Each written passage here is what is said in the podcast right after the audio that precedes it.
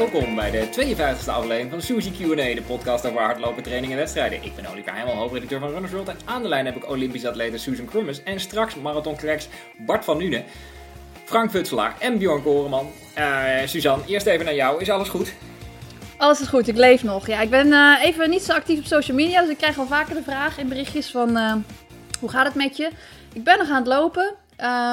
Ik ben nog niet heel hard aan het lopen, dus daar ben ik nog niet zo blij mee. Maar ik ben nog wel kilometers aan het maken. Dus, uh, nou ja, basiswerk. Hè? Het is een beetje saai. Ik zou ook wel wedstrijden willen lopen. Ah, ja, over die wedstrijden gesproken. Uh, Bart van Nune, we gaan het zo over Dresden hebben en jouw machtig mooie nieuwe PR. Uh, maar er is ook ander nieuws. Namelijk, een paar minuten geleden werd bekend, we nemen dit op op dinsdag namelijk, dat Michel Butter in Hamburg ook een poging gaat wagen om de Olympische Spelen te halen. Heb je dat al gehoord of niet? Oh shit, nee, dat, dat hoor ik dus nu voor het eerst. Ik ook, wist ik oh, ook nee. niet. nee, ja, nee, ja, ja, ik ben benieuwd. Ja. Ja, je staat erin van hoe meer zielen, hoe meer vreugd? Of, uh... Uh, ja, het maakt het wel extra spannend natuurlijk. En Michel is wel een, uh, ja, ja, die heeft natuurlijk al onder de 210 gelopen op, ja, op oud schoeisel. Als je begrijpt wat ik bedoel. Dus, ja, maar hij gaat natuurlijk ja. gewoon op oude schoenen lopen, toch? Dat moet wel. Nou, hij zit nu bij NN, nee. hij gaat op uh, Nike's lopen. Hij gaat op Nike's lopen? Oh, oké. Okay. Interessant. Ja. Interessant. Uh, ja. ja. Ik ben benieuwd. Uh, ja, uh, nou, nou wou ik gewoon even maar openen. Maar Suzanne, jij wist het natuurlijk ook nog niet. Nee, ik wist het ook nog niet. Ik vind het wel, ja, weet je, het is, het is natuurlijk super mooi dat er nu gewoon zoveel uh, mannen en ook vrouwen zijn die, uh, die gewoon de tijden kunnen lopen. En die gewoon de limieten kunnen lopen. Dat we bijna een soort van trials hebben. Alleen ik kan me voorstellen dat ja. het voor, voor Bartje natuurlijk ook wel een beetje spannend is. Want je hebt natuurlijk besloten om geen marathon te lopen nu in dit voorjaar, toch? Ja, precies. Ja, nee, dus dat is sowieso wel spannend. Um, ja, dat was natuurlijk gewoon ook een bewuste keuze. Nou, ja, ik heb gewoon zoiets van drie marathons in negen maanden tijd. Ja. Ja, een beetje overkill. Ja. Uh, plus, ik wil ook op de Spelen zelf goed zijn als ik er heen mag. Ja. Dus ja, daarom heb ik dat niet, daarvoor gekozen om dat niet te doen. Ja. Maar ja, dan is het wel afwachten wat er gebeurt nu. Ja. Ja, wat ga je doen? Ga je kijken of ga je gewoon een stevige boswandeling maken die ochtend? Um, ja, ik denk een stevige boswandeling. ja. Ja, nee, ik, uh, ja, nee ik, zie, ik zie de uitslag vanzelf wel. Ja. En ik moet wel zeggen, ik, ik gun het de jongens ook van harte hoor. Dat is, uh, dat is het echt niet. Alleen ja, je ja. staat er natuurlijk het liefst zelf. Ja. Uh, dat, dat hebben we alle drie, hè. Dat is voor alle drie. Ja, ik denk Michel natuurlijk ook dan nog. En ja, Galit loopt ook nog. Dus ja, dat is spannend. Ja. ja.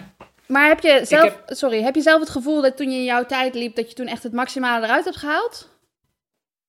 Um, nou ja, je bedoelt op de marathon neem ik Ja, aan, dus de tijd die je, ja. waar je nu mee in, uh, in de ranking staat, heb je zoiets van, daar, Mhm. daar, dat, daar heb ik het maximale uitgehaald. Heb je er vrede mee als anderen harder lopen, dat je dan niet goed genoeg bent? Of heb je zoiets van, nou, misschien Uh, ja, ideaal, zou je nou ja, ik, kunnen? als, als, als ik eerlijk ben, ik denk als ik een marathon zou lopen, dan, uh, ja, dan, dan, ja, dan, dan, dan ben ik de snelste Ja, van die jongens. Uh, ik heb het dan even niet over Choukout nog, dat uh, Mhm. weet ik niet, die is heel lastig in te schatten, maar ik denk die andere jongens, die kan ik wel hebben. ja, maar in een direct duel heb je het over. kli- klink- klinkt een beetje, ja. Maar gewoon als je, als je reëel kijkt naar de 10 en de Mhm. halve van nu. Dus dat, dat is het meer, zeg maar. Maar, en ik denk ook wel dat ik een stuk harder kan dan wat ik in Valencia heb laten zien inmiddels. Ja. Alleen, eh, ja, op, op die dag was ook het raceverloop gewoon niet echt fijn natuurlijk. Ik heb wel het maximale eruit gehaald voor gegeven de omstandigheden en de raceverloop. Alleen, Ja. ja, het, het is gewoon, kijk, ik wil goed zijn op de Spelen zelf als ik erheen mag. Ja. En ik denk dat dat voor de jongens gewoon is van, het is allemaal zo'n kort dag. Eh, want als ik nou, eh, ik ga dan straks op hoogtestage Mhm. eh, naar Namibië Ja. voor vier weken. Als ik dan terugkom, dan kan ik al bijna weer beginnen met marathonvoorbereiding. Ja. Ja, en dat is hetzelfde voor die gasten. Als ze dan, die, die moeten alweer beginnen met marathonvoorbereiding voordat ze gewoon heel, überhaupt helemaal hersteld zijn. Ja, precies. Ja, Ja, het is natuurlijk altijd moeilijk om tijden te vergelijken met verschillende omstandigheden, verschillende dagen. En eigenlijk vind ik het ook wel, eh, bijvoorbeeld in Groot-Brittannië, ik weet niet of je daar volgt, daar hebben ze natuurlijk nu aankomende Hm. vrijdag, hebben ze daar volgens mij de trials.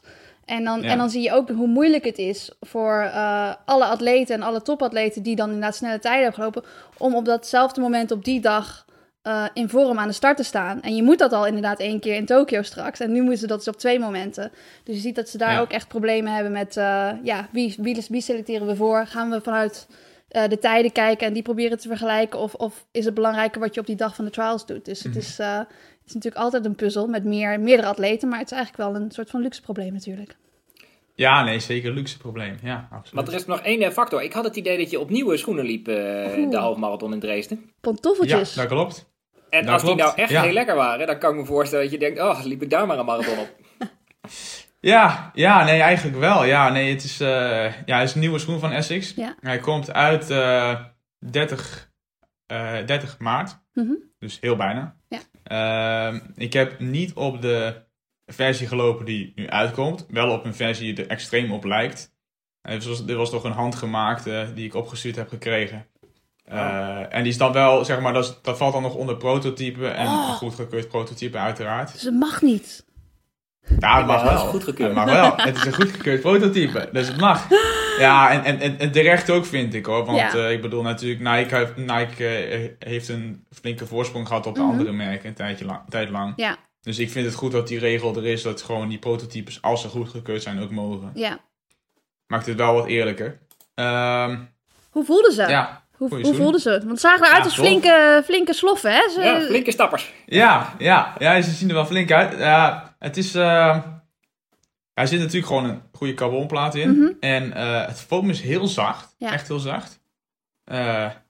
Ja, je, je landt gewoon lekker zacht. En het is wel gewoon. eh, ja, je krijgt wel goede terugvering. eh goede energie teruggraven. Dus eh, ja, Ja, want ik, ik zag toevallig een filmpje van, van jouw finish, van de laatste 100 Mhm. meter.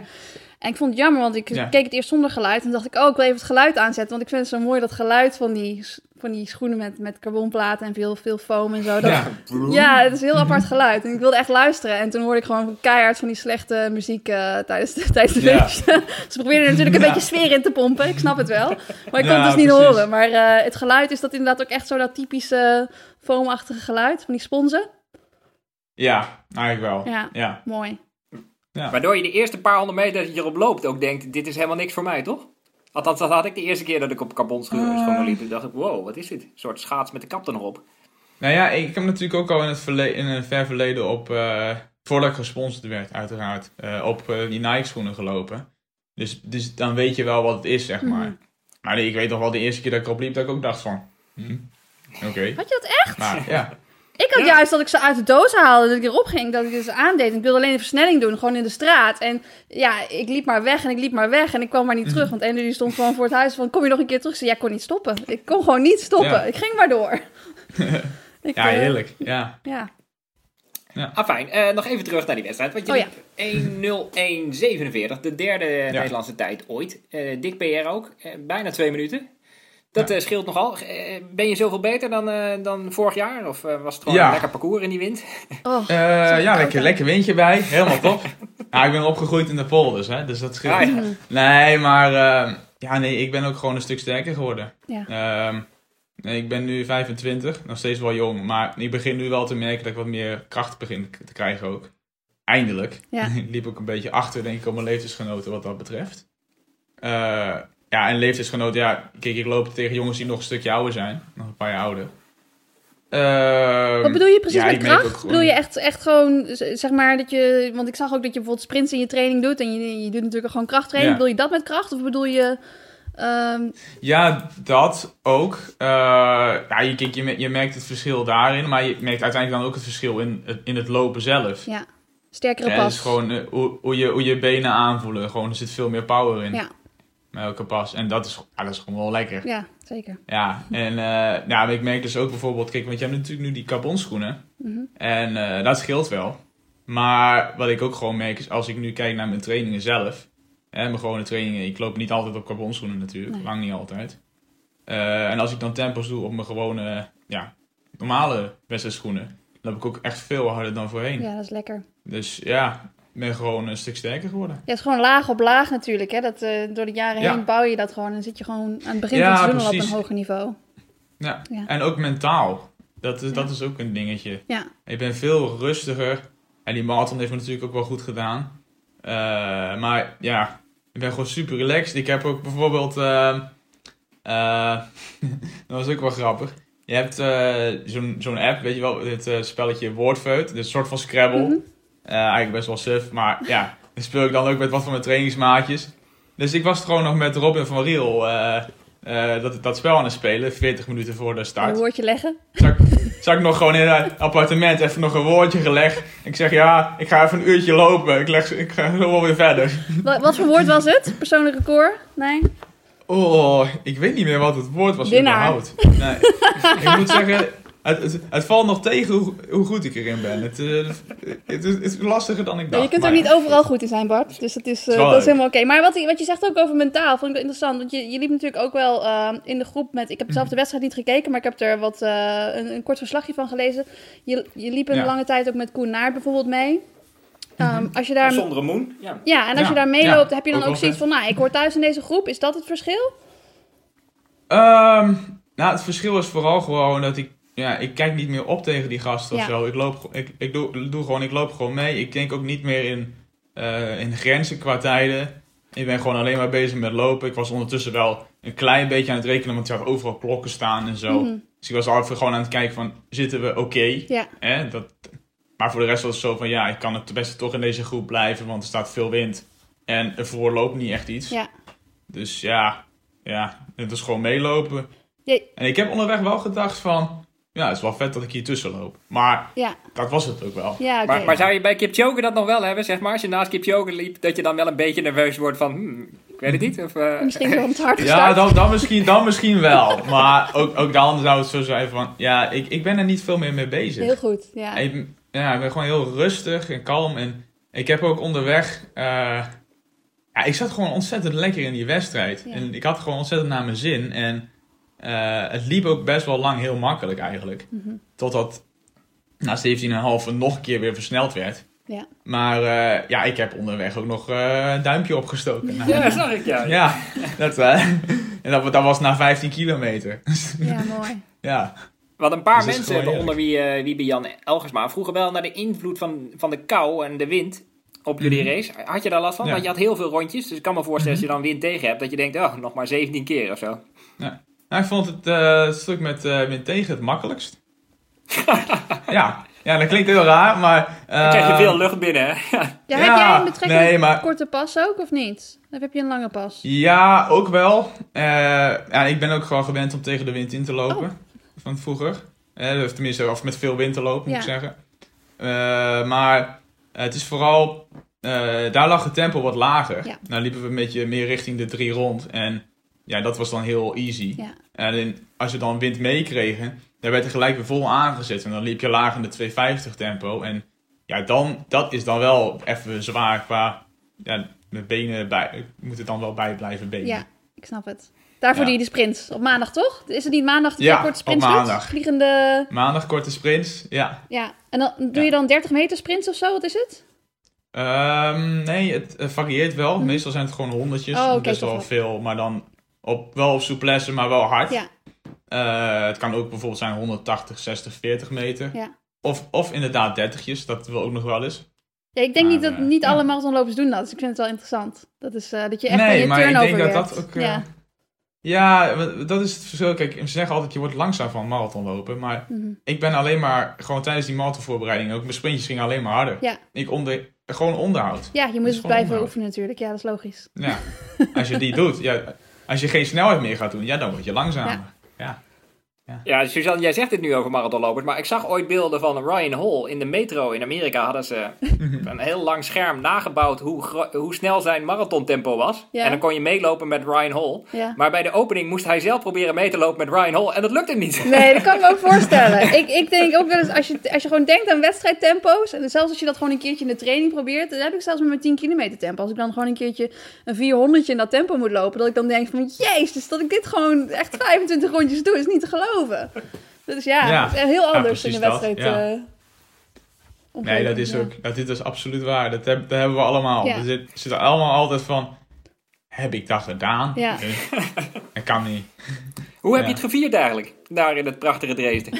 Oeh, eh, we hebben burgers gegeten. Oh, lekker. Altijd goed. Eh, en daarna ben ik gaan steppen. Ja. ja, van die steps in de... In, Niet stappen, maar steppen op een step. Oh, zo'n Ja, gewoon, elektrische gewoon van die elektrische steps. ja. Ja, en gewoon keihard door de stad.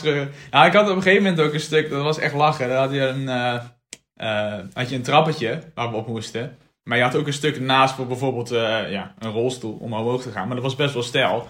Alleen ja, ik kon niet zo over die trap. Dus ik ben gewoon daarover gegaan. Maar ik had een wel maximum snelheid. Dus ik vloog ook gewoon de lucht in zo. Ja, vet. Ja, Vliegen door Dresden. lekker uitgeleefd. Ja. Chasen door de race. Nice. Ik heb ook een vraag van eh Tijn Piest. Worden jullie al bang van Tom Hendriksen, die een snellere debuuttijd liep dan eh, jullie alle drie? Eh, dus ik stel Ja. hem eerst maar gewoon even aan jou. Ja, nee, ik dacht al dat deze vraag erin zou komen. ja, eh nou, bang ben ik niet. Eh, en dit vind ik ook niet de juiste benadering. Eh, ik vind het gewoon hartstikke vet wat Tom heeft gedaan. En eh, ja, hij werkt ook hartstikke hard voor. Is ontzettend vol van zijn sport. Dus eh, ja, nee, het is hem gegund. En eh, ik hoop dat hij gewoon lekker door blijft groeien. En dat we dan eh, samen kunnen strijden. Eh, ja, voor de luisteraars, hij, hij is 22 en hij liep eh, in Dresden, liep hij 2.13.03 volgens mij. Klopt. Eh, In echt lastige omstandigheden. Dat was gewoon ontzettend knap voor een de- debuutmarathon. Ja, zeker. Ja. Heb je hem nog gesproken na afloop? Ja, wel even kort. Eh, ja, niet, niet, niet zeg maar daar, maar wel gewoon even via Instagram dan. Even een berichtje gestuurd. Ja, vind het ontzettend, gewoon ontzettend tof wat hij gedaan heeft. En eh, Mhm. ja, hopelijk eh, volgt er nog veel meer. Eh, wat ik me afvroeg trouwens, want eh, ik, wist, ik heb een stukje van de 10 kilometer gezien en ik zag dat het rondjes van 2,5 kilometer waren. Is logisch, best handig ook. Was dat Ja. voor de halve marathon en de marathon ook? Ja, Wauw. ja, I know. Het waren wel veel rondjes inderdaad. Heel veel rondjes. ja, ja. Wauw, dat- Ja, eigenlijk liep hij om een kasteeltje heen. Dat was wel een mooi kasteeltje, maar ik denk dat je het inmiddels ook helemaal kan uittekenen. Ja, nee, dat, eh, je kan het wel dromen, dat parcours. dat is eh, het probleem niet, nee. Ja. Ik heb ook eh, nog een vraag van eh buitensportmama. Ehm, heb je een tip voor beginnende lange afstandlopers voor tijdens de wedstrijd? Iets waar mensen Ehm, op kunnen letten. Waar mensen op kunnen letten? Oh, dat is een goede vraag. Hier heb ik geen rekening mee gehouden. Maar Eh, lange afstand, welke, welke afstand zegt ze? Oh, gewoon lange afstand. Nee, ja, gewoon lange Ja, gewoon afstand. lange lopen. afstand. Ja, dat ligt eraan, Ja, hè? gewoon rustig starten. Ja. Niet, niet, dat is voor heel veel mensen heel lastig. Eh, maar wat ik ook altijd doe is zeg maar, zoals ook bijvoorbeeld vandaag, of eh, vandaag, ik bedoel eh, zondag, maar ook met mijn tien in Berlijn.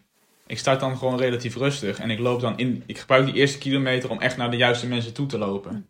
En niet gelijk vol gaan, want dat, dat, dat komt- bekoop je gewoon op, de, op het einde van de wedstrijd best wel flink. En voor de rest gewoon heel rustig blijven, niet te veel nadenken, gewoon lekker lopen. En dan, eh, ja, hoor- dan hou je ook het beste resultaat. Ik hoor je nu Berlijn zeggen. eh, Heb je eigenlijk al je PR's in Duitsland gelopen nu, of niet? Eh, nou, bijna wel. Nee, nee ja, ja van, de, van de laatste twee wedstrijden dus wel. En dus die, die tien in Berlijn en ja, de halve dan in Dresden. Ja, en Valencia is dan Oh, ja. Duitsland natuurlijk. Ja. Maar ja, In de het buurt. zijn- ja, Ja. in de buurt. Ja, in de buurt. Ongetwijfeld veel Dus, eh, Duitsers op vakantie. Ja, Voor de Australiërs maar is een het paar in de kilometer er vandaan, joh. Ja. Hey, Ja. en wat zijn je plannen de komende tijd? Ehm, ja, is eerst op trainingsstage.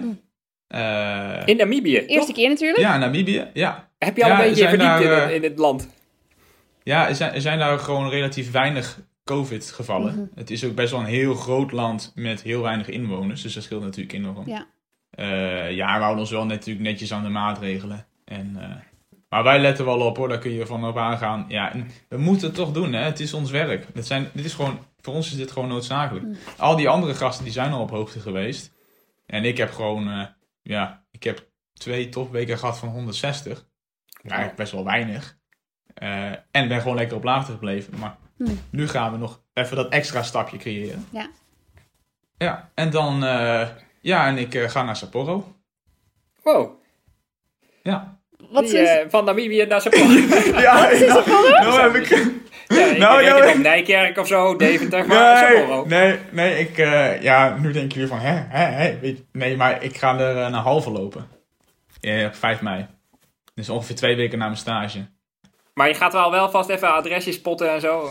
Ja, nou ja, er is dan een halve marathon op het Olympisch parcours. Ook wou zeggen, ga je parcours verkennen. Olympisch Dat is echt te gek natuurlijk. Dus eigenlijk Ja. een soort van wel, ja. Ja. Ja, en Ja. het is gewoon ook een sterk veld waarschijnlijk. Mhm. Ja, veel Japanners natuurlijk die er Maar- wel lopen. En, eh, Heeft dat iets te maken met jouw sponsor die, eh, die uit Japan komt? ja, ja, nee, ehm, eh, ik kreeg een vraag van het Essex Mhm. of ik daarheen wilde. Ja. En eh, ja, dat wil ik wel. Ja, ja. ja leuk. Oh, wat Ja. heerlijk.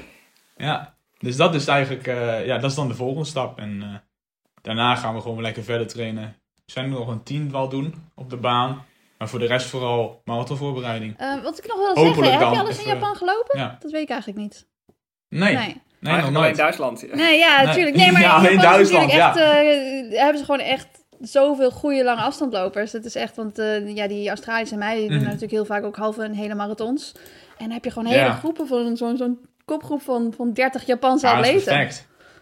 Ja. Wel, ja, daarom dus misschien dat ik er nog een stapje af, een hapje af kan halen van mijn tijd. Maar eh, ja, dat is niet het hoofddoel. Ja. Eh, het hoofddoel is gewoon natuurlijk gewoon even ervaren van hoe dat is. Ja. En zo'n lange reis, wat het met je doet. Eh, hoe ik dat goed kan tackelen, zeg maar. Mhm. Die problemen daarvan. Ja. En, ja, en het parcours verkennen. Dat is ook wel vet, ja. Ja, en kijk, ik weet natuurlijk nog niet of ik mag gaan. Hè? Ik ben natuurlijk nog niet zeker, niet Mhm. zeker op dit moment. Eh, maar ik denk, laat ik in ieder geval gewoon alles zo goed mogelijk doen. ja. Mocht ik mogen. En daarnaast is het gewoon ook super vet om in Sapporo te lopen Ja. natuurlijk. Dat is sowieso een goede ervaring natuurlijk. Buiten, Ja. buitenkansje, Ja. ja. Ja. Nog, nog één ehm, technische vraag. Op een gegeven moment moeten jullie als kandidaat die onder de 2.11.30 hebben gelopen een soort Mhm. presentatie geven. Ja, eh, om te laten zien dat jij de man bent die naar eh, Sapporo moet. ja. Bereid je dan een soort PowerPoint voor? of, eh, hoe, Eh, nou, dat denk ik niet. Ik denk dat ik gewoon rustig mijn verhaal ga doen. Eh, en met goede argumenten komen. Eh, en gewoon met feiten. En niet, eh, ja... Geen trash talken. ik, Niet trash talken van de anderen. Ben, jij, ben jij een trash talker? Volgens mij ben jij een trash talker. Nee, nee, zeker niet. Nee, nee. Gewoon, gewoon, nee, maar gewoon eerlijk van waarom ik denk dat ik de beste kandidaat ben. Ja. Of, of, ja, of in ieder geval de, ja, een van de kandidaten moet zijn. Mhm. Of een van de mensen moet zijn die mogen, mag gaan. Ja. ja. Ja, Oranje staat Nou, je goed, hè? eh, Dus dat kun je alvast zeggen. Oranje staat me gewoon goed. Dus eh, ja. Ja, precies. Dat ook. ik ja, ben al in nee. Sapporo geweest. Ja. Ja, ik ben al eens sporen We kunnen je wel helpen met een lijstje met wat leuke argumenten anders. Misschien moeten we de luisteraars vragen Ja. voor goede argumenten.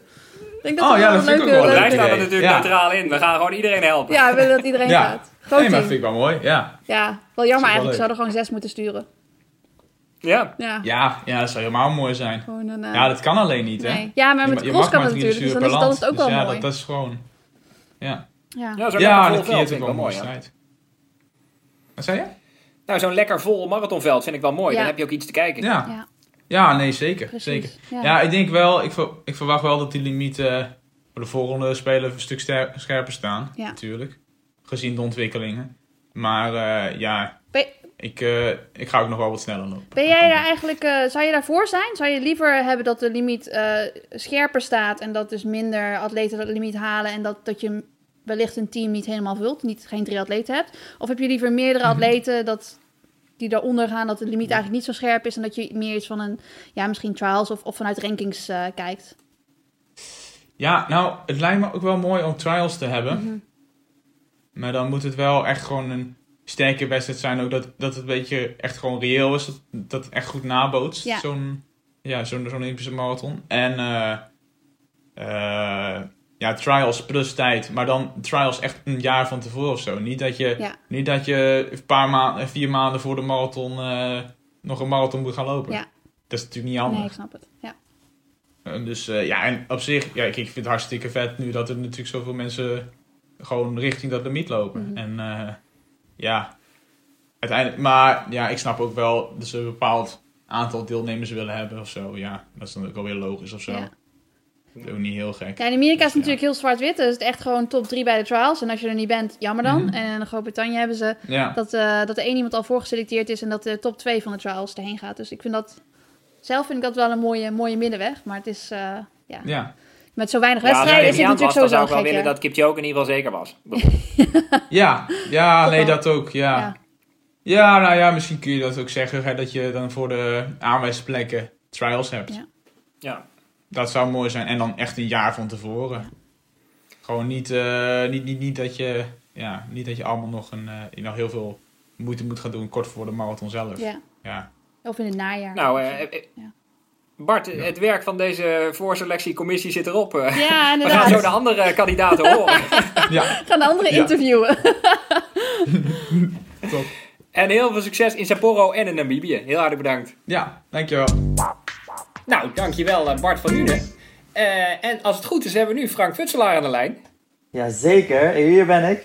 ah, kijk, dat gaat uh, soepel. Um, Frank, we gaan het zo over Dresden hebben, waar je 1-2-46 liep. Maar eerst even het nieuws. Michel Butter komt terug en hij start ook in Hamburg. Is dat goed ja, nieuws? Ja, dat is echt topnieuws. Want uh, ja, dat maakt uh, de groep in Hamburg een stuk groter. En ja, je wilt natuurlijk tegen zoveel mogelijk concurrenten eigenlijk lopen. En ja, die, als je die kan verslaan, dan maakt het de prestatie ook nog weer meer waard. En uh, ik vind het uh, ja, echt een verstandige keuze van hem. Want hij heeft nu een periode gehad waarin hij in rust heeft kunnen trainen zonder eigenlijk al te veel druk. En ja, dat is voor hem heel goed geweest. En, en hopelijk ja, kan hij iets moois laten zien in Hamburg. En kunnen we samen die strijd aangaan. En hoe meer in het groepje we zijn, ja, hoe beter ik uit de wind kan lopen. ja, precies. En we moeten het ook nog hebben over Kenia. Want jij was daar een paar weken en je hebt een toilet gebouwd. Ja, zeker. Ze noemen het ook wel het Frank Shithole. dus, uh... wat een eer, wat een eer. Hangt er al een bordje, of niet? Nou ja, ze, ze, ze, zijn dus wel bezig met een foto om die af te drukken van het begin van de start van de training. Om die daar boven te, om die daar te, laten zeggen, te plaatsen, zodat mensen weten dat hier de start van de training is. Maar uh, ja, in, Ke in Kenia is een, uh, elke dinsdag en donderdag een beroemde fartlek training. En daar komen honderden atleten op af. Maar ja, die moeten dus voor de training altijd bij de buurman in de, in de tuin poepen en plassen. En ja, dat, oh, en dat vonden de buren niet meer zo leuk. Dus hebben ze gezegd van ja, dat kan niet meer. En logisch natuurlijk. Dus er was een heel grote behoefte op die plek voor een wc. En dat is echt een beetje grote de plek. Ja, grote behoefte. nice. Een hele grote. En, en dat is echt een plek waar meerdere wereldrecordhouders hun trainingen zijn begonnen. Ehm, grote atleten zijn geboren in die, die training eigenlijk. En, uh, dus, en hun behoefte doen. En hun behoefte doen, ja. En uh, ja. op die reden heb ik geholpen bij het inzamelen van geld. En het, uh, ja, dan ik wil niet zeggen het gaven van het gat, want dat heeft iemand anders gedaan. maar, de, maar, de, maar er is een gat gegraven van zo'n 6 meter en, en een mooie betonlaag overheen met een huisje erop. En het is nu bijna af. Dus die, alle atleten kunnen daar nu op een goede manier naar de wc voor de training.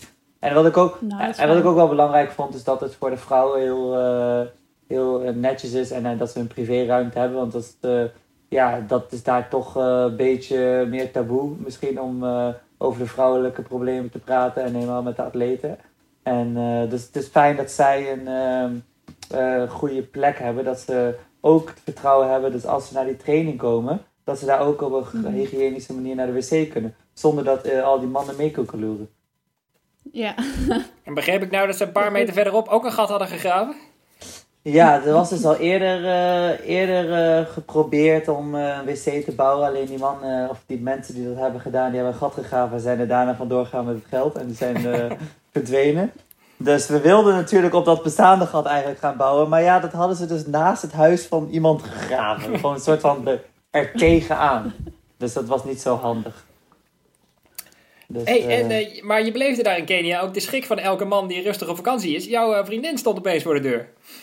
Ja, in één keer uh, ging mijn hartslag niet door de training door mijn keel. Want ja, ik lag op bed lekker een dutje te doen. En in één keer werd er geklopt op mijn raam. En ik zie iemand met een telefoon. En ik loop naar de deur. En dat is een vriendin van mij, Gloria. En in één keer zie ik zo iemand zo gehurkt voor mijn deur staan. Had je helemaal niks door? Nee, ik had echt... Je wist niet... Ik had echt helemaal niks door, want...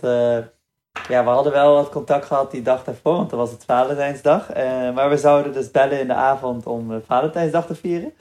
Maar dat was mhm. niet gelukt, want ze zat nog in de sauna. Want ja, uiteindelijk zat ze dus in een vliegtuig.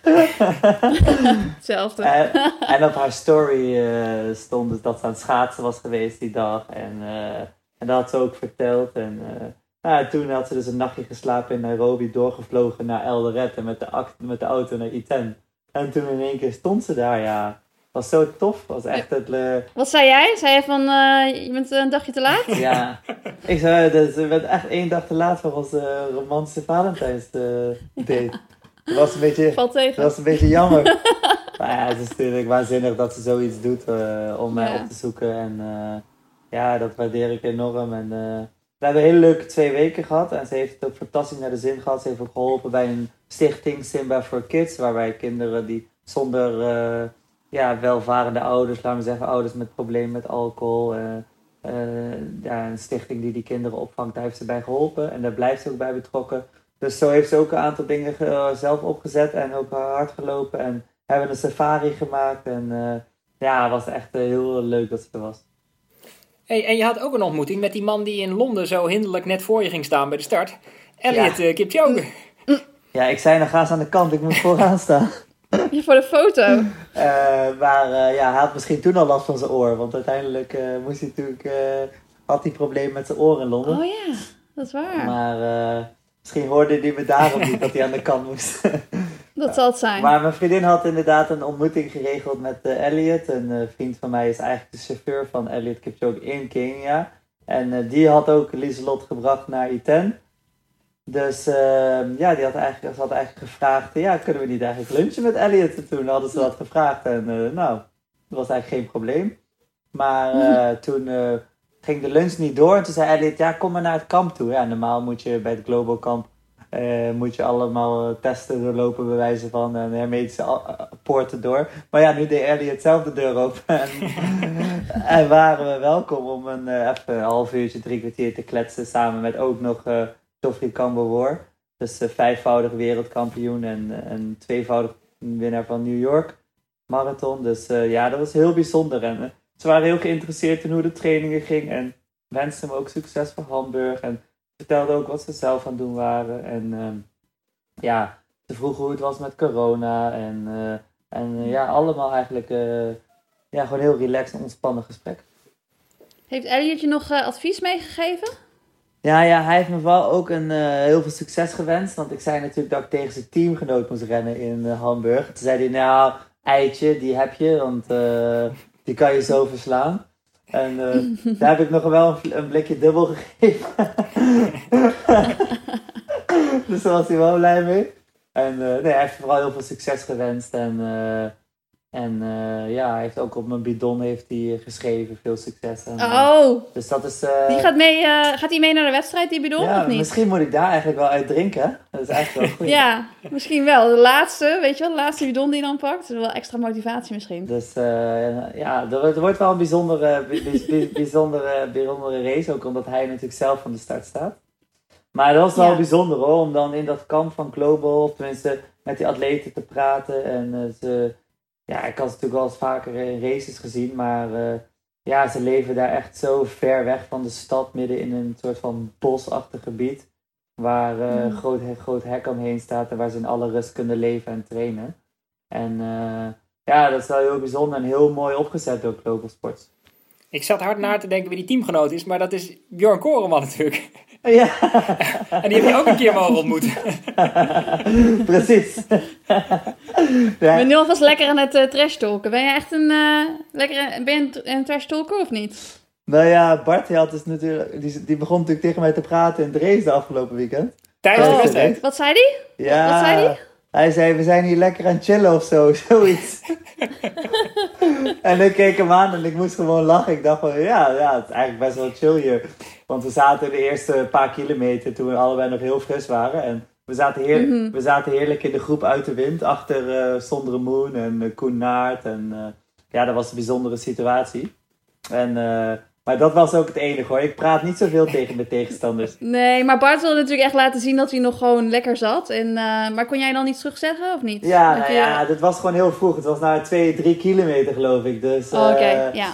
Dus uh, ik denk toen hebben we nog een heel gesprek kunnen voeren. Maar nee, ik ben niet zo dat ik echt praat tegen... Ja, af en toe kan ik wel ouwe hoeren tijdens de race. Ja. Maar ik weet ook dat het heel irritant kan zijn. Als je bijvoorbeeld een haas bent of zo. Maar ja, ik, ik probeer wel de, met tegenstanders te spelen door meer dan door even weg te lopen of, of weet je wel, op die manier, ja. maar niet, niet uh, trash talk hoor. Doe jij dat wel? Nee, ik hou, ik, ik, hou mijn adem wel eens in. Nee, ik hou mijn adem wel eens in. Dus omdat, net alsof ik dan niet heel erg op adem te halen. Dat heb ik bij het EK een keertje gedaan ook. Dat ik iemand inhaal en ik dacht van ja, ik wil niet dat ze meegaat. Dus dan ga ik gewoon mijn adem inhouden. En uh, net doen of het allemaal nog heel makkelijk gaat. En toen vijf meter later gewoon helemaal als een ja, stervende natuurlijk. Maar goed, dat is, uh, ze is er wel ingetrapt. Want ze ging toen niet mee. Ze had hem misschien wel kunnen hebben. Dus uh, ja, ik, ja, die mind games had ik toen wel gewonnen. Ja, ik denk dat ik in Hamburg dan gewoon een mondkapje meeneem. En dan op 25 even dat mondkapje opdoen. Ja, zo van, het is allemaal zo makkelijk anders. Het is gewoon niet eerlijk. Dus ik doe wel een mondkapje op, jongens. Dat, uh, dat komt wel goed. Ja. Want uh, hoe ging het in Dresden? Hebben we begrepen dat er een beetje wind was? Ja, in Dresden ging het eigenlijk supergoed. Uh, mijn persoonlijk record uh, kunnen verbeteren met 25 seconden. Het was een waanzinnig mooi snel parcours uh, door het Grosser Garten, een mooi park. En de wind stond dus volle bak 1 kilometer mee en volle bak 1 kilometer tegen. Um, dus ja, dat had echt grote invloed. maar ik denk dat het... Was het ook koud of niet? Het was wel fris, nou, misschien tegen het vriespunt iets erboven. maar ja, niet een kou waar je echt last van hebt. Um, ja. Een beetje Zag je wel met een epische haarband. Ja, ja, die bos haar die moet ik proberen in bedwang te houden. Coronakapsel. Ja, ik vind dat toch wel knap hoe jullie dat doen. Ik krijg er steeds meer respect voor Suzanne, atleten met lange haar. Ja, voor dat elastiekje. Ja, ik kan je wel wat elastiekjes lenen hoor. Dat is op zich geen probleem. Misschien een keer zo vlechten of zo, weet je wel, dat het vast zit. Ja, oh ja, dat kunnen we ook. Fast Straight Friday, dat kan natuurlijk. Maar je kunt ook naar de kapper gaan, zoals Olivier. Het ziet er natuurlijk fris uit met zijn kort geknipte koep. Ja, Olivier was altijd mijn inspiratie. Dus ik dacht, ik ben een beetje, ver... ik ben, ik ben een beetje verbaasd dat hij nu zo kort is. Ja, het komt wel weer goed. Kom, groeit allemaal weer terug. Ja. Uh, ik ben toch vereerd, hè? Maar Ja. ik, Ja. want ik las dat je een paar jaar geleden liep je nog gewoon eh 1,9. Ik zeg gewoon. Voelt het Ja, dan ook niet en als een veel kortere afstand als je er nu veel eerder mee klaar bent? Nou ja, dat is echt zo. Mentaal is het echt een kortere afstand, omdat eh, ik nu de marathon ook gewend ben en de lange trainingen. Mhm. Dan denk je, oh, het is maar een uur, eh, weet je wel. Ja. En, Ja. en, en eerder keek je echt op tegen 10 kilometer al, dat je dacht van oh, half uur, volle bak. En nu denk je van, nou, iets meer dan een uur, want ja, de marathon, dat is echt het ultieme, laten we zeggen, lange afstand. En eh, het voelt echt korter in mijn hoofd, ja, dat klopt. Maar heb je dan ook, als je dan straks een marathon loopt, dat je dan, omdat het lang- tempo natuurlijk iets lager ligt, dat je dan ook denkt van, oh, het tempo is eigenlijk best wel relaxed, omdat je dan inderdaad net een halve hebt gelopen? Ja, ja, zeker. En dat is eigenlijk ook het doel van deze halve. Dat het he- eigenlijk heel makkelijk aanvoelt, zo dadelijk in die halve. Of in die hele. En eh, Ja. dat is precies het doel waarom we nu ook een halve volle bak gingen. En ja, en dat, dat, dat pakt hopelijk goed uit. Want eh, op een gegeven moment had ik het eh, stukje zwaard, moest ik even, even een tempootje terug. En dan kwam ik nog, zakte ik nog niet eens terug naar marathontempo. Weet je wel? Dus eh, ja, Ja. dat is eigenlijk een heel groot voordeel van het hebben van wat meer snelheid. En eh, heb je al een strategie voor eh, Hamburg?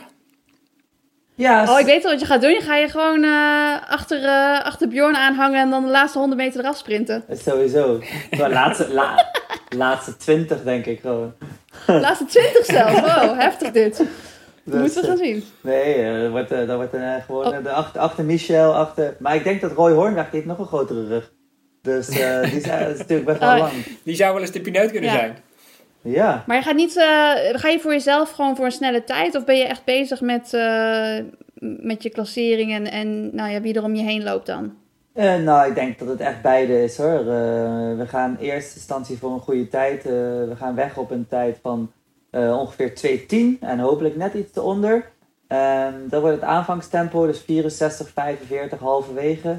En ja, we hopen, ik hoop natuurlijk zo lang mogelijk met dat tempo mee te kunnen. En dan eh, die andere jongens eraf te lopen, het laatste stuk. En dan moet je gewoon eerste Nederlander worden daar. Maar als je daar, Ja. als je daar eerste Nederlander wordt in een goede tijd, ja, als ze dan nog eh, je niet sturen, dan eh, wat, moet je dan nog, wat moet je dan nog meer doen, weet je wel? Ja. Moet je steekpenningen gaan betalen of zo?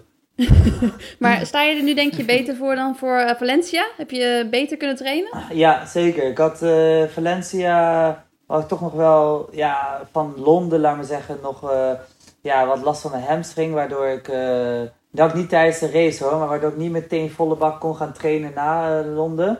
Ja, die, die, Mhm. die aanloop was best wel kort. En ik heb na Valencia echt een goede rustperiode gehad. En ik denk dat die rustperiode me heel veel heeft gebracht. En dat ik in, daardoor in Kenia echt weer een stap heb kunnen zetten in mijn training en in mijn niveau. En dat is wel, Ja. eh, die rustperiode in de maand december, januari was heel belangrijk. Ja. Heb jij eh, trouwens ook nog Tom Hendriksen zien lopen? De 22-jarige debutant van 2.13.03 in de race. Ja, wa- waanzinnig. We konden Ja. gelukkig nog de laatste vier ronden van hem zien. Ah, we waren natuurlijk constant eh, de livestream aan het volgen ehm, en de, de rondetijden. En hij ging zo goed. Maar eh, toen we daar stonden, toen de laatste paar ronden, zagen we eigenlijk al dat het tempo eraf ging. Omdat dat hij ook alleen kwam te lopen en tegen de wind in moest boksen. Maar enorm respect voor zo'n debuut. Echt uh, ongelooflijk. En ook natuurlijk dat hij een week later is gestart dan eigenlijk de planning was. Dus hij heeft ook wel bewezen dat hij die mentale veerkracht heeft en, uh, en die zich niet van de wijs laat brengen. Dus wat dat betreft heel veel respect en gaat hij zeker in Parijs meedoen om de tickets. Ja, wat vind je er eigenlijk van dat er zoveel uh, Nederlandse marathonlopers zijn die nu nou, richting de limiet gaan? En nou, Galit die gaat straks 11 april toch ook lopen, ergens anders geloof ik. Ja. Um, en dat er best wel veel concurrentie is. Wat vind je daarvan? Ja, ik vind het eigenlijk heel tof, want het uh, tilt ons allemaal naar een hoger niveau en maakt ons allemaal scherp. En uh, wat dat betreft geeft het de, aan, de sport veel meer aandacht. Je merkt mm. dat er heel veel positieve aandacht voor is, omdat iedereen geïnteresseerd is in wat we doen en waarom we het doen en hoe de trainingen eruit zien. En, en uh, ook de journalisten, ook van de, de, de grotere media, media zoals de NOS en zo, die hebben steeds meer ja, steeds meer uh, ons in beeld. Uh, en eigenlijk, en eigenlijk ja, kunnen wij als marathonlopers natuurlijk ook het voorbeeld zijn voor een, ja, een maatschappij die eigenlijk als het ware helemaal stil zit op de stoel in corona. Dus kunnen wij wel wat sportiefs uitstralen en met die hardlopers voor iedereen toegankelijk. En ja, die connectie met topsport en breedte sport, ik denk dat die door de aandacht ook wel meer gemaakt kan worden. En dus het, ik denk dat het mes aan twee kanten snijdt. Aan de ene kant houdt het je persoonlijk scherp aan de andere kant zet het ook de sport op de kaart. Ja, het is wel natuurlijk jammer dat er natuurlijk heel veel wedstrijden nu in Duitsland gebeuren. Want je had eigenlijk bijna gewoon trials kunnen houden in Nederland, toch? Nee, het had gewoon gemoeten. Want uh, je ziet het nu dit weekend in Engeland. Dat uh, de trials zijn. En daar hebben ze dus een mooie concept bedacht. Waarbij ook atleten die nog niet de limiet hebben. onderdeel zijn van die trials. En uh, dat hebben ze heel goed georganiseerd. En ja, dat had eigenlijk gewoon in Nederland ook gemoeten. Ja. Nou, we hopen dat iemand het oppakt. Volgende keer. Ja, inderdaad. nou, dus, uh... heel hartelijk bedankt Frank. Op het laatst hoorde ik ook een beetje de, de schoolmeester in jou. Met jouw oproep voor uh, maatschappelijke betrokkenheid. Dat vind ik mooi. Ja, ik weet niet. Dat is wel een beetje... Uh, ja, misschien komt dat inderdaad wel van, mijn, van mijn leerkrachtachtergrond om daarmee bezig te zijn. Dat weet ik niet. Een goeie. Ah. Nou, dan wensen we jou heel veel succes in Hamburg. Doe lekker rustig aan de komende weken. en daarna helemaal. En uh, ja. dan spreken we je snel. Zeker weten, dankjewel. En uh, Succes hè. tot later. Oké, okay, doei. Dankjewel uh, Frank. Dan hebben we nu volgens mij Bjorn Koreman aan de lijn. Klopt helemaal. Ja, oh, dat gaat zo lekker soepel vandaag. Bjorn, um, jij kwam in uh, Dresden net achter je PR terecht op de halfmarathon. 1-3 en je had al een keer in Dresden 1-2 gelopen. Ja, ik heb eh, daar in november als, als enige Nederlander heb ik daar gelopen. 1.2.44 liep ik daar. Uh, en nu 1.308, dus uh, net erboven wel duidelijk wat mindere omstandigheden dan dat we vorig jaar in, in november hadden. En toen kon ik ook echt mooi in een groepje lopen, echt in de kopgroep met vier man. Ja, nu was die kopgroep ook duidelijk wat groter, stuk beter veld. En ik kwam eigenlijk ik miste gewoon die aansluiting met het groepje die wegging op 1-1. Uh, eh, waardoor ik gewoon eigenlijk heel de wedstrijd alleen heb gelopen tussen twee groepjes in. Uh, uiteindelijk Frank nog een hele tijd wel in het vizier gehad. Maar uh, die, die vond mooi een aansluiting met, met een andere loper. Waardoor ik in mijn eentje tegen de wind in moest beuken. En dat, dat was helaas niet voldoende om Frank nog bij te halen. Dus, maar uiteindelijk ben ik hartstikke tevreden gewoon met die 1-3 laag. En sta ik er gewoon goed voor richting Hamburg. Je schreef op je socials overigens over een, uh, over een klein pijntje in de buikstreek met een lang verhaal. Nou ja, daar zijn we natuurlijk wel benieuwd naar, ja, naar dat lange ja, verhaal. Nou, eh, als je nog een uurtje hebt, dan... Uh, nee, ik uh, was een dag of 10, 11 geleden was ik uh, voor werk uh, in Vlaardingen. Ik had een afspraak daar. Maar ik was een beetje op tijd, 20 minuten te vroeg of zo. Dus ik dacht, ik schiet nog eventjes hier langs Albert Heijn. Dan hoef ik dat in mijn eigen dorp niet te doen. Dus ik had afgerekend. ik loop eigenlijk naar de uitgang met mijn karretje. Het was daar redelijk smal, maar er loopt een man een beetje verwacht langs mij af. En ik dacht, ja, het zal wel ook bij de vrouw voor mij een beetje, ja, sneed die gewoon af.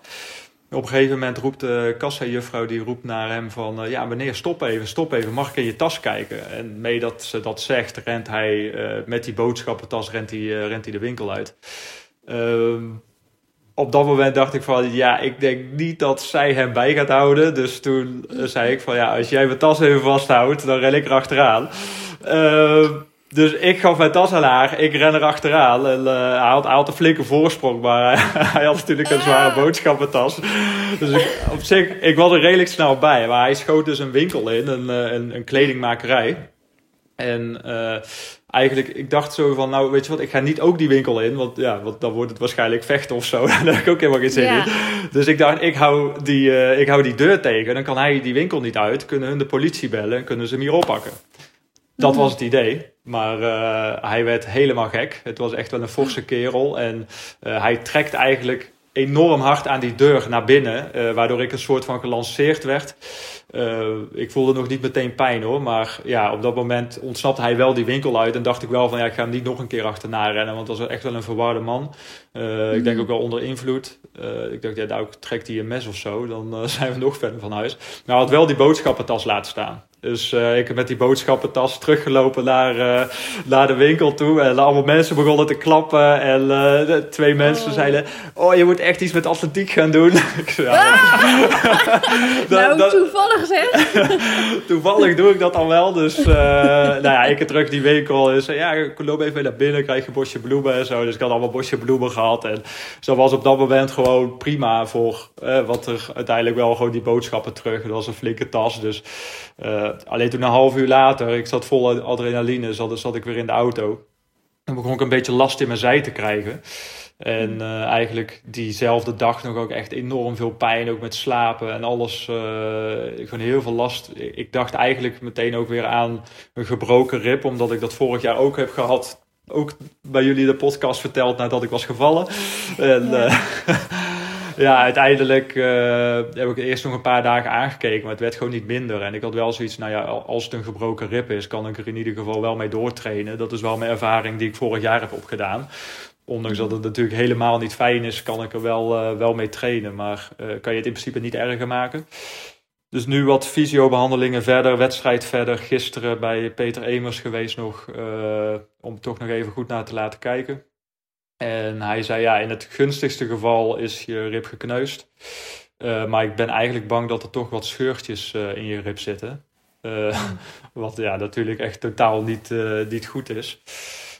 Dus deze week ook nog langs Petra, de sportarts. En dus nog wel eventjes wat bezoekjes. Alleen, ja, ik denk niet dat we met behandelingen of zo het heel veel beter kunnen maken. Maar ik moet wel op gaan passen dat ik niet scheef ga lopen. Of dat ik het eh, ja, anders ga lopen om te zorgen dat de pijn minder wordt. Dus ik, ik heb Mhm. wel, al mijn trainingen ben ik door blijven gaan. Alleen ik heb wel gewoon veel pijn. Ja. Dus ja, ja. Is dat dan van de veel- impact van het vallen? Of eh, hoe, hoe is dat gebeurd, denk je? Nee, het is echt eh, waarschijnlijk gewoon opgerekt. Omdat hij gewoon heel hard aan die deur heeft getrokken. Mm. Dat ik gewoon een soort van naar binnen ben gelanceerd. Ja. En eh, ja, daardoor gewoon Ja. Ja, echt of een verkeerde beweging heb gemaakt. Eh, Dus dat, eh, dat moeten we nog eventjes gaan kijken wat precies, zeg maar. Of dat ik uiteindelijk misschien toch een klap heb gehad omdat hij naar buiten wilde gaan. Het ging ook allemaal zo snel eigenlijk. Dat, eh, Heftig. Ja. ja. Dus, Dus, ze zeggen ook altijd, nou Albert Heijn, dat is gewoon echt het gevaarlijkste wat je kunt doen. In een wedstrijdvoorbereiding moet je gewoon niet doen.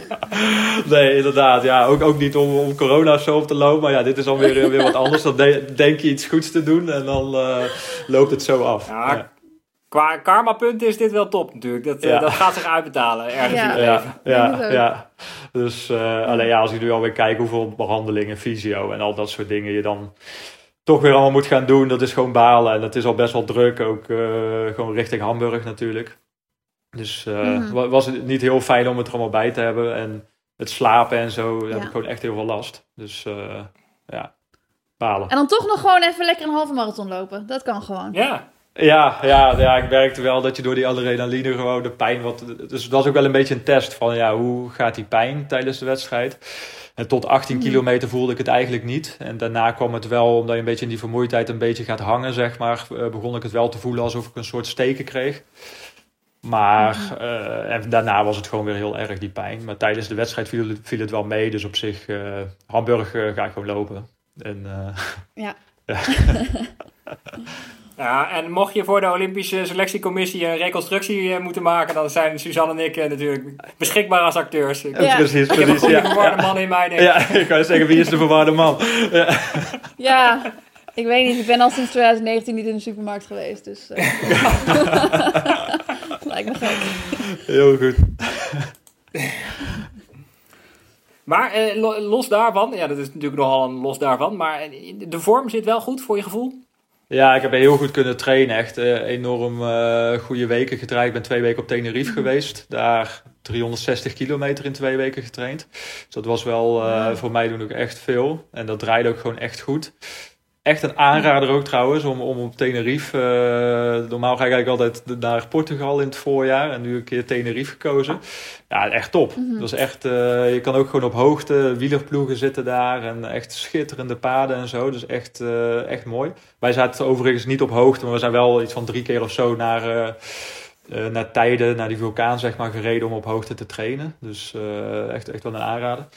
Daarna ook gewoon nog super goed kunnen trainen. Ook in Nederland nog een week van uh, 187 of zo. 185, zoiets. Wow. Dus, in zo'n in zo'n week waar je met zoveel kilometers, hoeveel, hoeveel kwaliteitstrainingen doe je dan? Niet heel veel hoor.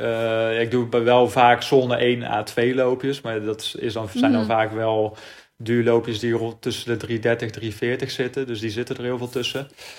En dan, best wel tijd. ja. ja, en dan vaak in het weekend gewoon één lange duurloop uh, tussen de 30 mhm. 38 zoiets. En dan uh, één tempo training in het weekend met lange blokken. Vaak zo rond de 40, 45 minuten. Echt wel op, op marathon tempo wat erbij zit. Uh, en één baantraining. Dus op zich echt, echt heel hard allemaal. Vind je dat niet veel? Ja, zeg maar een lange duurloop of zo, die, waar, waarin je sneller loopt, snellere blokken doet, dat, dat is natuurlijk ook wel gewoon kwaliteit. Ja, dat is dan een kwaliteitstraining en een baantraining. Dus eigenlijk met twee echt harde sessies. En dan ja, uiteindelijk zo'n zo lange duurloop loop je ook wel onder de 340 gemiddeld uiteindelijk. Maar, mm, uh, uiteraard. Ik ja, dat is ene kant, ene kant kwaliteit, de andere kant is het wel gewoon lekker ja, voor je gevoel een rustige duurloop. Maar, ja, het Ja. Ja, ja en, precies. En je, je, liep daar met, uh, met Luc Maas, die, die hetzelfde tempo doordraaft. Ja, ja, ja we hebben veel samen na, gedaan. Na 360 kilometer van de haven tot Gort? Of, uh... Nou, het was, hij, hij wel, uh, wel wat minder. Ik denk dat hij op 140 of 150 per week zat. Dus uh, okay. hij, hij, is nog, hij is nog jong, hè. Dus, ja. Ja, dus maar het is niet zo dat jij dan zo de hele duurloop aan het praten bent... en dat hij dan niet zoveel terug zegt? Terwijl jullie kunnen wel gewoon samen trainen. Nee, dat, dat gaat wel. Dat gaat. Ja. Maar het was vaak zeg maar dat ik dan 100 minuten deed en hij 80 of zo. Dus vaak oh, ja. eigenlijk heel veel dat we Lui samen konden gast, doen. Ja.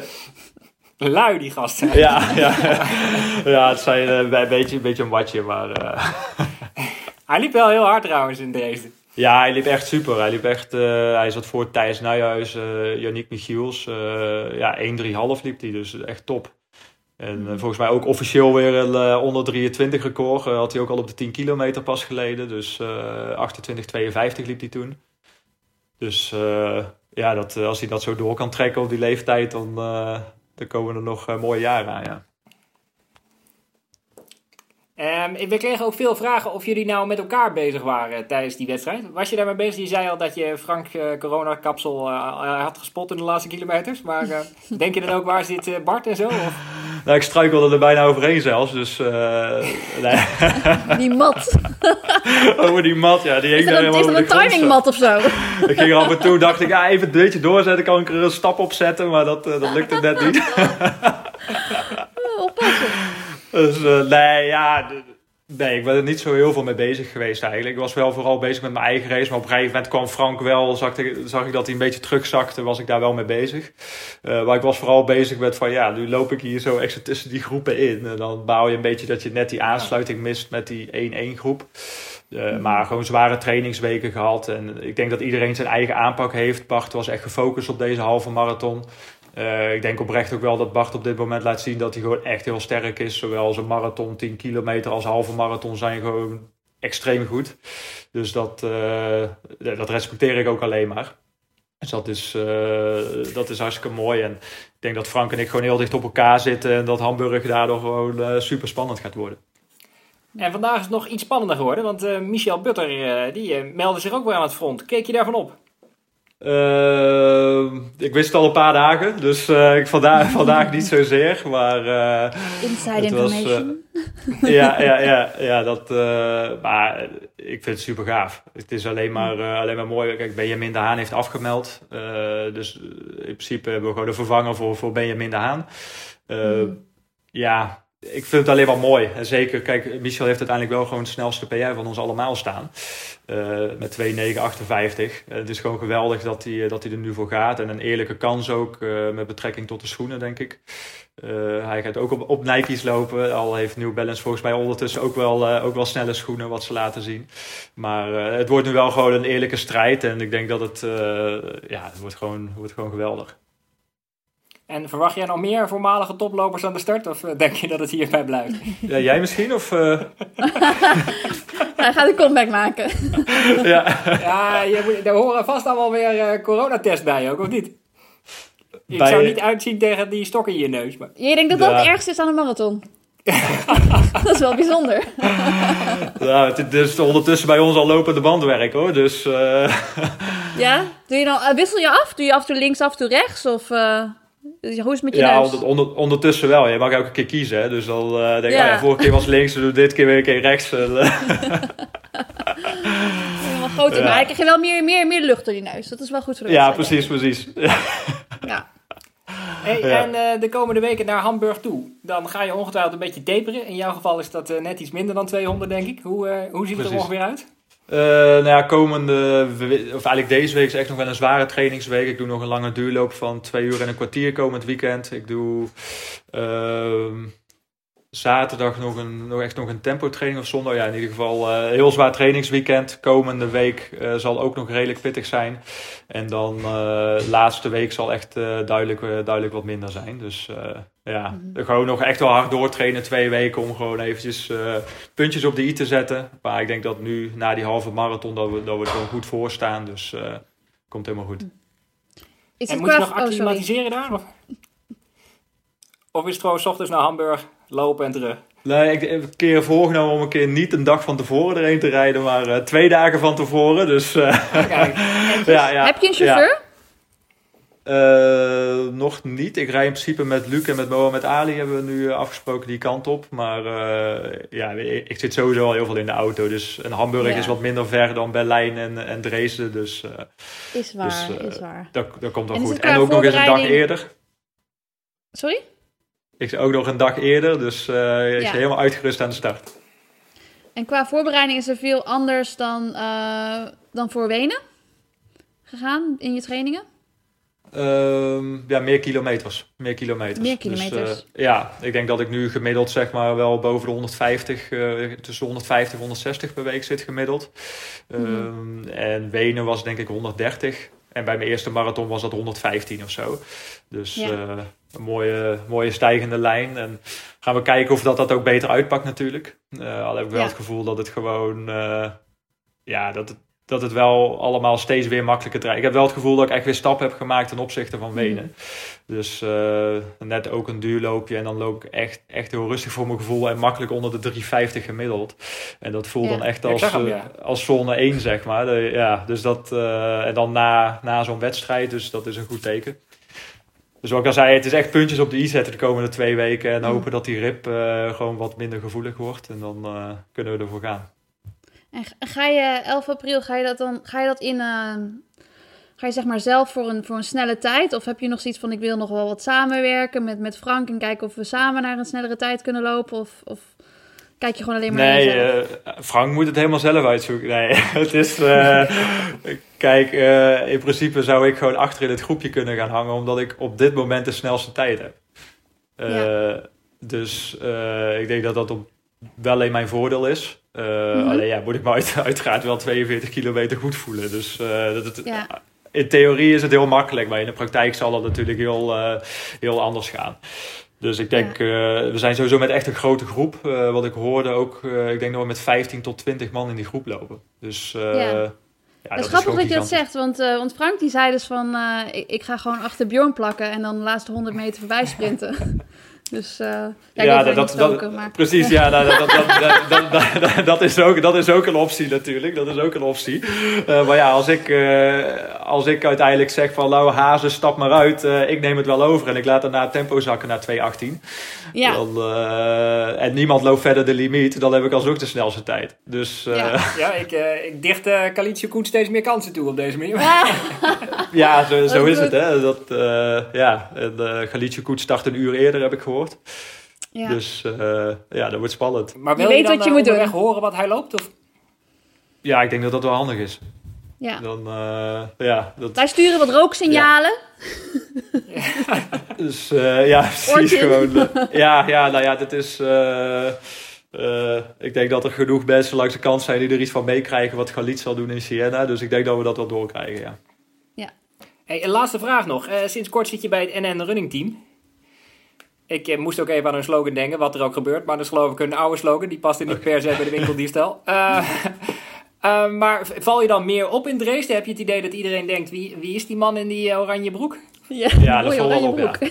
Dat had ik in, eh, in Berlijn had ik dat ook al wel, ja. Dat eh, best wel wat meer naar je kijken. En ik had nu ook heel de tijd zo'n cameraman die ik dus niet wist wie het was. En die heel de tijd elk rondje shots van mij aan het maken was en zo. En het bleek dus wel iemand die wel redelijk groot was op Instagram. En eigenlijk echt inderdaad eigenlijk alleen maar van mij en Sondere Moon zeg maar, beelden had gemaakt. Dus het valt wel op zeg maar, dat je in het NN Running Team zit. En eh, ja, dat is, dat is ook gewoon leuk. En dat, dat hoort er denk ik ook wel bij. Dus eh, ja, ik denk dat, dat, eh, dat het wel opvalt, ja. Maar jullie hebben nog geen groepsapp waarin Elliot en de anderen je allemaal wel succes wensen en zo? Nee, die, die hebben we nog niet. Die hebben we nog niet. Dus, eh, maar dat kan allemaal gewoon via Instagram en zo tegenwoordig. Hè. Dat, eh, dat gaat zo makkelijk. Oh ja, ja, Ja. precies. nou, dan, Olivier is nog eh, van de e-mail-generatie. Ja, ja, ja. ja precies. Ja.